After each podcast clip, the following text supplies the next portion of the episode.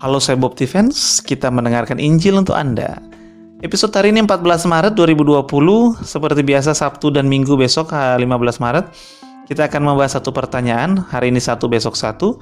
Dan pertanyaan kita hari ini untuk Injil untuk Anda episode 14 Maret adalah bagaimana saya membaca Alkitab dengan baik.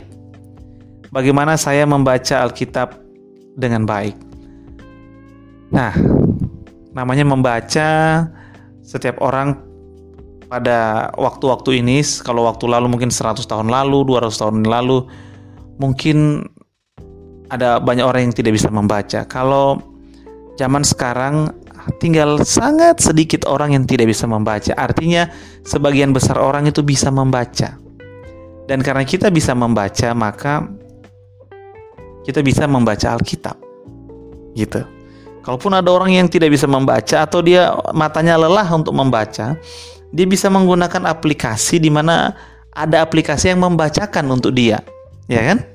Lewat lewat uh, Alkitab uh, Voice uh, yang Alkitab suara, maka nanti tinggal pencet klik, maka Alkitab itu akan bersuara sendiri. Karena sudah ada rekaman, ada orang yang sudah membacakannya dari kejadian sampai wahyu. Sehingga kita Mungkin kita di kendaraan kita, mungkin kita sedang memasak di dapur atau lagi santai-santai di kamar. Tanpa harus memegang sebuah buku tebal, kita bisa sambil mendengarkan Alkitab. Teknologi mem mempermudah manusia salah satunya dalam hal membaca Alkitab suci.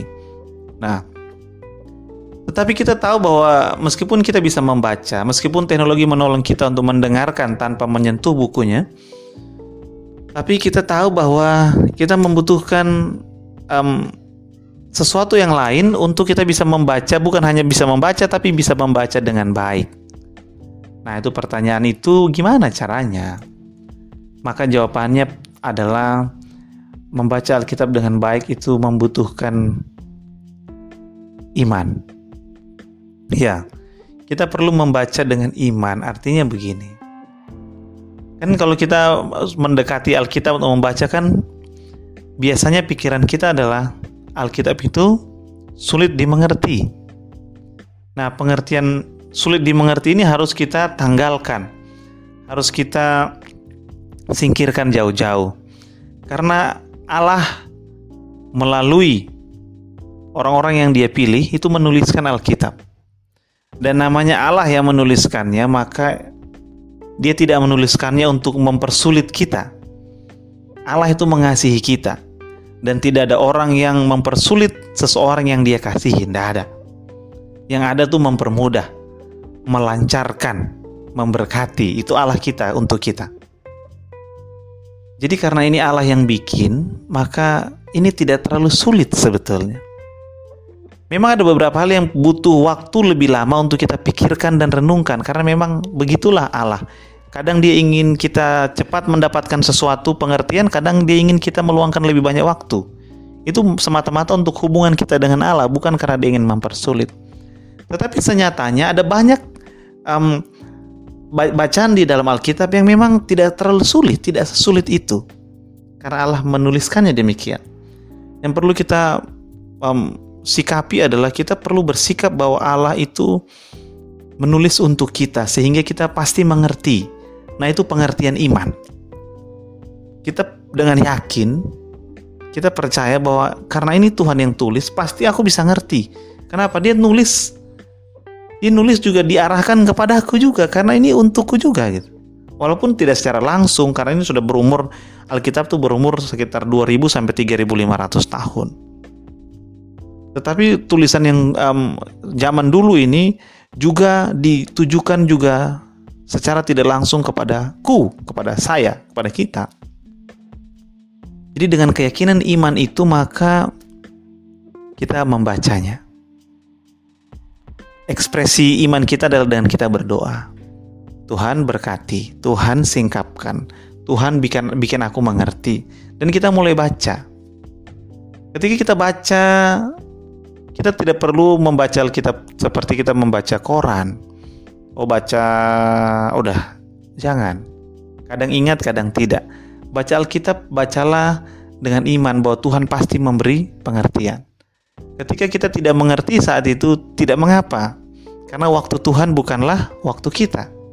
Ketika kita mulai baca, katakanlah kita menyediakan waktu 5 sampai 10 menit untuk membaca. Kita baca aja. Baca sambil kita yakin Tuhan pasti kasih pengertian kepadaku.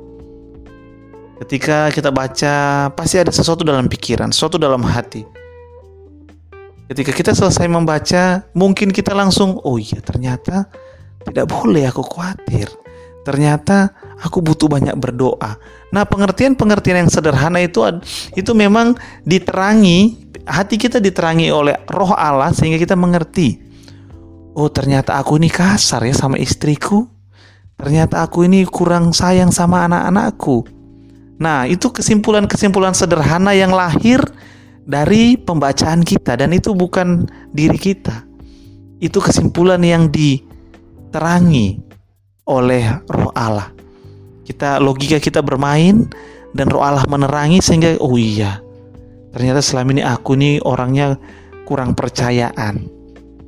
Nah, ketika itu sudah terjadi ada kesimpulan-kesimpulan yang kecil, maka kita berdoa Tuhan tolong saya supaya saya bisa punya iman yang kuat, supaya tidak khawatir, supaya sayang anak saya, supaya sayang istri saya, supaya produktif di kerja. Hal-hal itu kita doakan dan kita percaya Tuhan memberkati mendengarkan doa kita. Nah, itu cara yang sederhana dan bisa dilakukan oleh setiap orang dan memang begitulah caranya. Semakin banyak waktu yang kita luangkan setiap hari, maka akan semakin banyak kesimpulan-kesimpulan kecil itu dan semakin banyak doa-doa yang kita naikkan. Nah, melalui semua aktivitas itu, Tuhan itu mengubah kita semakin hari semakin terang. Begitu caranya.